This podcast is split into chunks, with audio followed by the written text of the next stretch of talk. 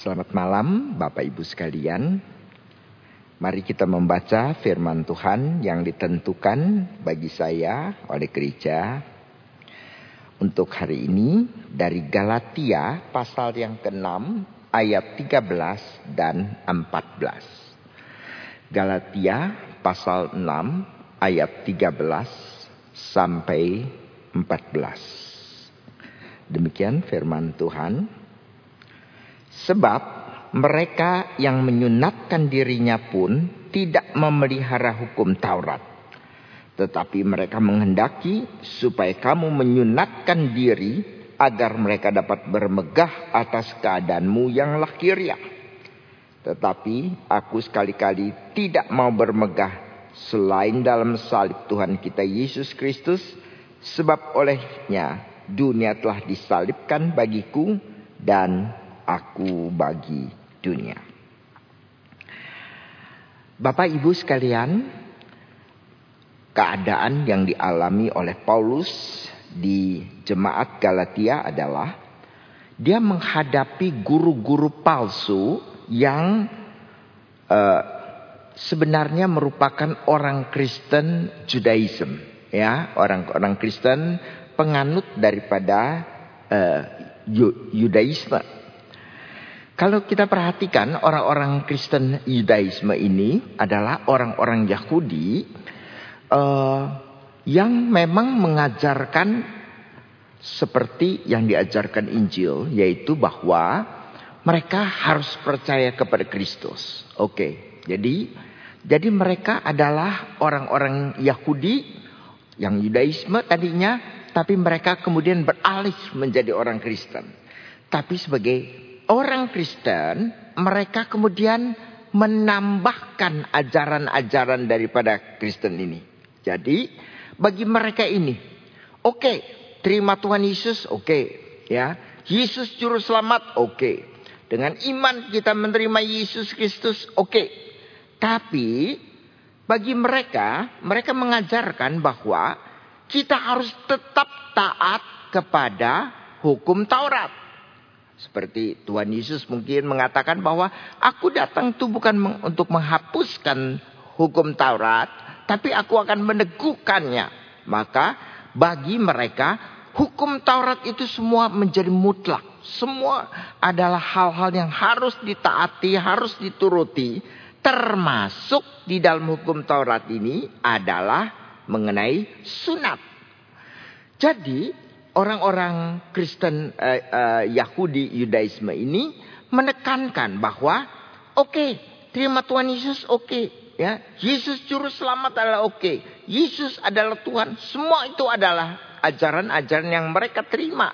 Bisa mereka terima dan semuanya oke. Okay, tetapi mereka tambahkan kita harus tetap taat kepada hukum Taurat tetap mengacu kepada hukum Taurat dan kita harus uh, melihat apa yang dikatakan oleh hukum Taurat dan di dalam hal ini yang sangat mereka tekankan adalah bahwa setiap orang Kristen yang bukan Yahudi ya uh, itu harus disunat.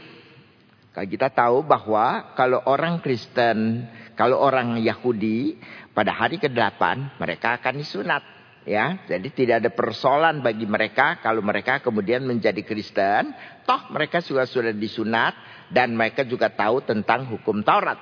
Tetapi sekarang orang-orang uh, yang non Yahudi, ya, orang non Yahudi ini bila mereka kemudian menjadi Kristen, kemudian guru-guru palsu ini menghendaki bahwa mereka juga harus taat hukum Taurat. Dan karena mereka taat hukum Taurat, maka mereka perlu disunat. Nah, jadi ini menjadi persoalan di dalam gereja.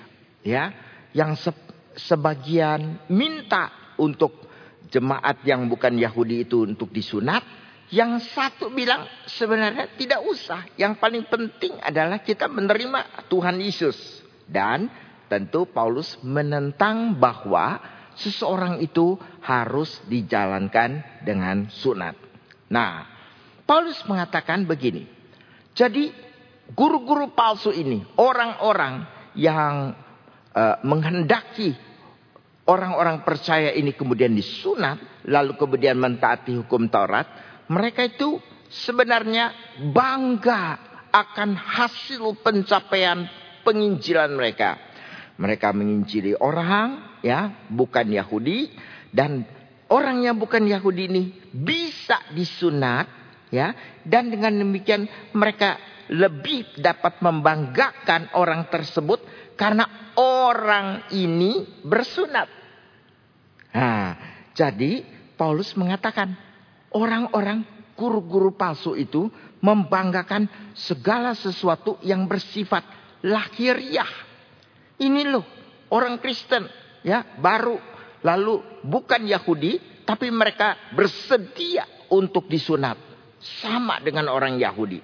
Nah, sehingga keselamatan itu menjadi sesuatu yang selain bergantung kepada Tuhan Yesus, tapi juga bergantung kepada hukum Taurat, di mana salah satu daripada hukum Taurat itu menghendaki seseorang untuk disunat. Nah, itulah yang dihadapi oleh Paulus di dalam jemaat Galatia. Orang-orang Kristen Yahudi memang mereka bisa menyombongkan diri. Ya, secara lahiriah mereka bisa menunjukkan orang-orang yang percaya, yang baru percaya ini adalah hasil penginjilan kami. Mereka menerima Yesus dan mereka juga disunat sesuai dengan ajaran daripada hukum Taurat. Nah, mereka ber, berbangga kepada hal-hal yang bersifat lahiriah itu. Tapi Paulus menekankan pada hal-hal bukan lahiriah. Dia bilang, kamu bisa bangga akan hal-hal yang bersifat lahiriah ini, tapi aku tidak.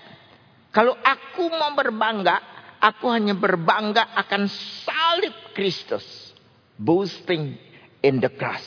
Ya, mereka hanya membanggakan hal-hal yang bersifat lahiriah tapi Paulus menekankan bahwa kita ini uh, berbangga bukan karena hal-hal yang bersifat lahiriah, tetapi dia sangat berbangga kepada salib Kristus. Nah, di situlah kita lihat bahwa Paulus itu mempunyai penderian yang tegas bahwa dia ini adalah orang yang tidak usah berbangga dengan hal-hal yang bersifat lahiriah, tapi saya hanya akan berbangga dengan salib Kristus. Ya. Nah, kalau kita membaca di dalam surat Filipi misalnya, eh, di dalam surat Filipi Paulus mengatakan, kalau mau berbangga dengan hal-hal yang bersifat lahiriah, oh saya juga bisa berbangga. Saya orang Israel, orang Yahudi asli. Orang Yahudi pada waktu itu uh, banyak yang misalnya tidak tinggal di uh, apa Yehuda sana, tapi mereka kemudian uh, ada di tempat-tempat lain, ya. Mereka diaspora begitu, dia ada tempat lain. Dan orang-orang Yahudi ini tidak menjaga kemurnian, ya. Mereka mungkin kawin dengan orang setempat dan sebagainya, sehingga mereka tidak menjaga uh, kemurnian, tapi Paulus dapat berkata, ya meskipun dia tinggal di Tarsus, dia berkata Aku ini orang Yahudi, orang Israel. Ya, selain daripada orang Israel, aku itu orang Ibrani asli. Aku ini adalah orang Yahudi asli. Alain kata, uh, papa mamanya itu semua adalah orang Yahudi. Ya, tidak bercampur. Begitu kan? Ya. Nah, lagi pula dia bisa mengatakan mengenai uh, kegiatannya mengenai kegiatan aku ini adalah seorang penganiaya jemaat katanya. Jadi secara lahiriah Paulus orang Parisi. Dia murid Gamaliel. Dia begitu setia kepada Yudaisme. Ya, mereka yang mengajarkan sunat itu uh, apa itunya ya? Uh, apa namanya kebanggaannya di dalam menjalankan hukum Taurat ya tapi dia orang Parisi yang sangat ketat di dalam menjalankan uh, Taurat ini dalam kehidupannya sehari-hari dia keras sekali dia taat sekali dan dia itu banyak sekali hal yang bersifat lahir ya sebenarnya Paulus dapat uh, membanggakannya. Tapi dalam surat Paulus kepada jemaat Filipi ini dia mengatakan hal-hal yang bersifat lahiriah itu itu semuanya saya anggap sampah. Ternyata hal lahiriah yang dibaik, dibanggakan oleh orang-orang jemaat Galatia yang uh, terdiri dari guru-guru palsu yang mengajarkan mengenai Yudaisme ini ternyata dia membanggakan hal yang bersifat lahiriah, sunat, segalanya dan sebagainya. Paulus bilang saya ini orang Israel asli, orang Ibrani asli. Saya dari suku Benyamin, saya orang Parisi, saya penganiaya jemaat. Oh banyak hal yang bisa dibanggain oleh Paulus. Tapi dia bilang sekarang kalau semuanya itu dulu aku banggain. Jadi orang Parisi, jadi ini, jadi itu, jadi ini, jadi itu. Tapi sekarang aku menganggapnya sebagai sampah di dalam bahasa aslinya sebenarnya lebih daripada sampah ya yang dimaksudkan adalah kotoran ya jadi aku itu sebenarnya menganggap semuanya sebagai kotoran yang tidak berharga yang tidak orang mau lihat tidak orang mau sentuh sama sekali dan kalau saya boleh berbangga saya hanya akan berbangga dengan salib Kristus apa maksud kalau berbangga dengan salib Kristus. Kita sih pada zaman sekarang ini salib itu mungkin ya hiasan buat orang Kristen ya. Selalu di gereja kalau nggak ada salib kita marah-marah ya. Uh, salib itu ya hiasan wajib lah begitu bagi orang Kristen. Nah bagi kita uh, kita seperti demikian ya salib itu uh, seperti demikian. Tetapi bagi orang-orang pada waktu zaman Paulus, apa itu salib? Hiasan mana bisa, ya? Mana bisa sebab salib adalah tempat mati. Tempat hukumannya mati. Tempat orang mati yang paling sina, paling dihindari, paling ditakuti, paling tidak dimaui oleh orang-orang pada zaman Paulus. Tapi dia bilang, saya kalau berbangga, tidak akan saya berbangga dengan hal-hal lahir ya.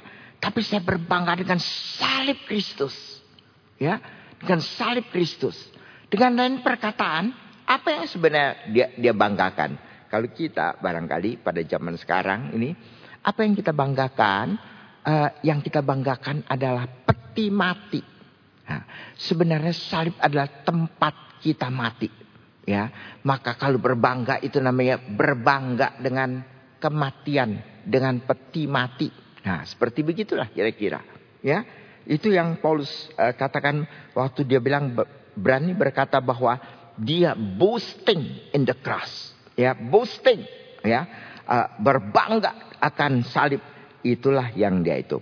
Apa maksudnya? Ya jelas karena salib artinya mati berarti bahwa kalau dia berbangga kepada salib Kristus artinya saya sudah menyalibkan diri saya sendiri bagi dunia ya.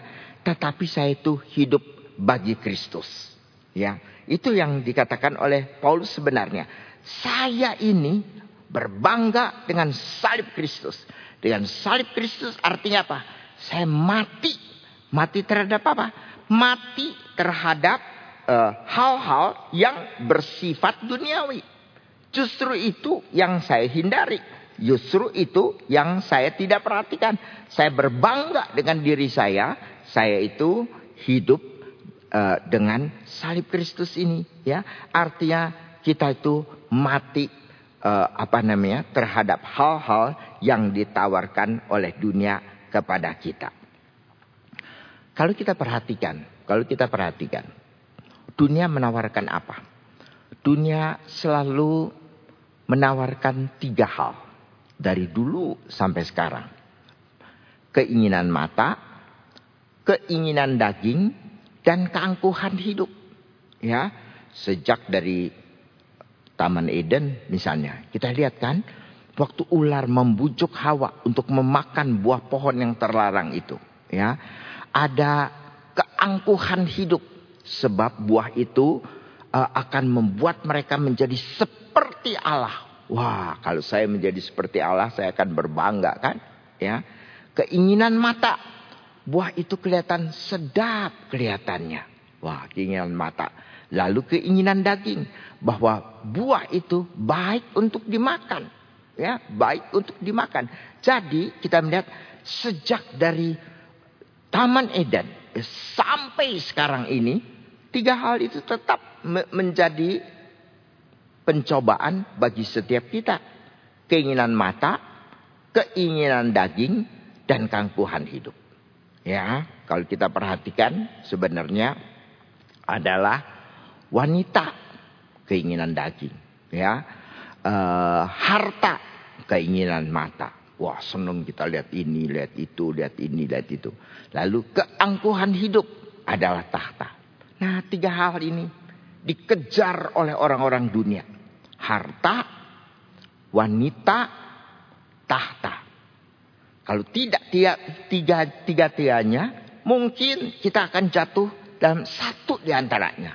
Mungkin kita jatuh di harta. Mungkin kita jatuh di wanita. Mungkin kita jatuh di kuasa. Di tahta. Ingin berkuasa. Ya, kita akan uh, terjebak kepada rayuan, tipuan, uh, bujukan daripada dunia ini kepada kita sekalian. Tapi Paulus melupakan semua. Saya tidak lihat itu. Saya tidak lihat harta. Saya tidak lihat wanita. Saya tidak lihat tahta untuk berkuasa di dalam gereja. Tidak. Yang aku banggakan. Kalau aku mau banggakan. Aku banggakan salib Kristus. Salib Kristus artinya apa? Saya mati terhadap semua itu. Tapi kemudian saya hidup bagi Kristus. Saya hidup bagi Kristus. Bapak Ibu sekalian. Sebentar lagi kita akan merayakan hari Paskah. Apakah hidup kita sudah ikut disalibkan ya di pada salib Kristus di mana kita semua mati terhadap hal-hal yang dunia dan kita terbuka untuk hal-hal yang dimiliki oleh Kristus? Ataukah sebagai orang Kristen kita tetap ikut duniawi? Ikut kepengen hal-hal yang bersifat duniawi.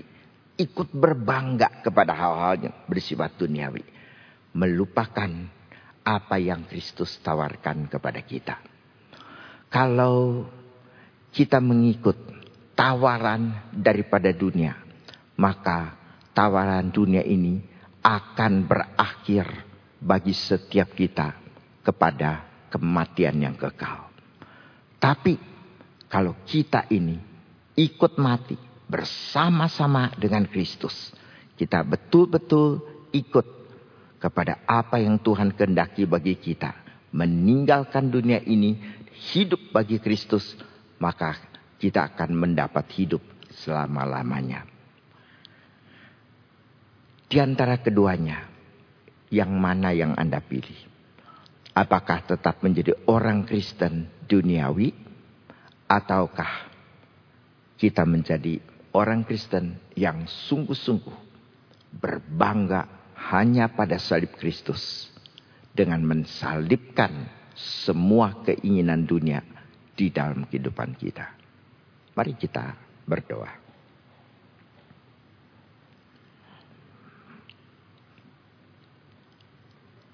Bapak Ibu sekalian, mari kita terbuka di hadapan Tuhan. Dan biarkan roh kudus bekerja sebebas-bebasnya di dalam hati kita.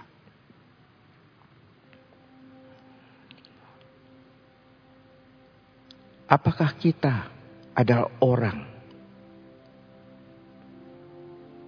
yang sungguh-sungguh mati terhadap dunia. menganggap sampah apa yang ditawarkan oleh dunia. Atau masih kita masih kepingin hal-hal duniawi itu. Karena kita masih dikuasai keinginan mata, keinginan daging, serta keangkuhan hidup di dalam hidup kita. Menjelang Paskah ini, persiapkan diri kita untuk tidak berbangga dengan hal-hal tersebut. Tidak berbangga dengan tahta kita, kuasa kita. Tidak berbangga dengan harta kita. Tidak bergan, berbangga dengan keinginan daging kita. Tapi sepenuh hati kita mencari hal-hal yang di atas bersama dengan Kristus untuk mendapatkan hidup itu. Mari saudara-saudara, kita berdoa dalam hati kita, izinkan Roh Kudus meneliti kita, menyelidiki kita, biarlah kita terbuka di hadapan Tuhan. Berdoa di dalam hati Anda masing-masing.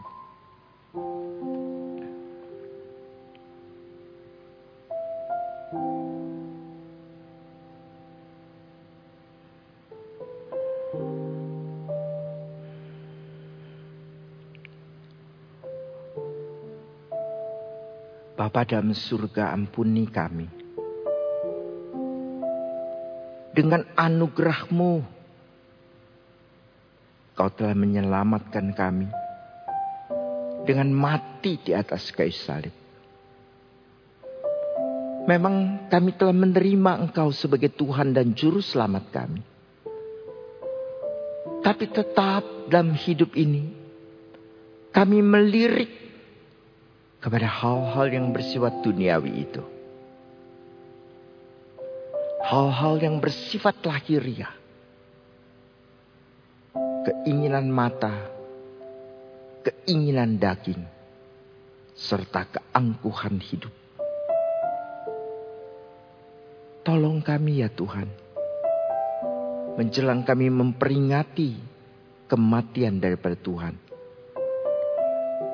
Biarlah setiap kami boleh jujur di hadapan Tuhan menyalipkan keinginan duniawi kami. Dan dengan demikian kami beroleh hidup yang kekal bersama-sama dengan Kristus. Tolong setiap kami ya Tuhan.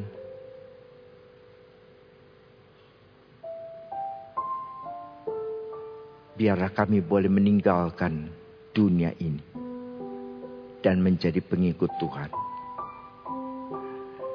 Di dalam nama Tuhan Yesus kami berdoa. Amin. Saudara-saudara, kebaktian doa malam hari ini selesai sampai di sini. Tuhan memberkati saudara-saudara di mana pun saudara berada. Selamat malam.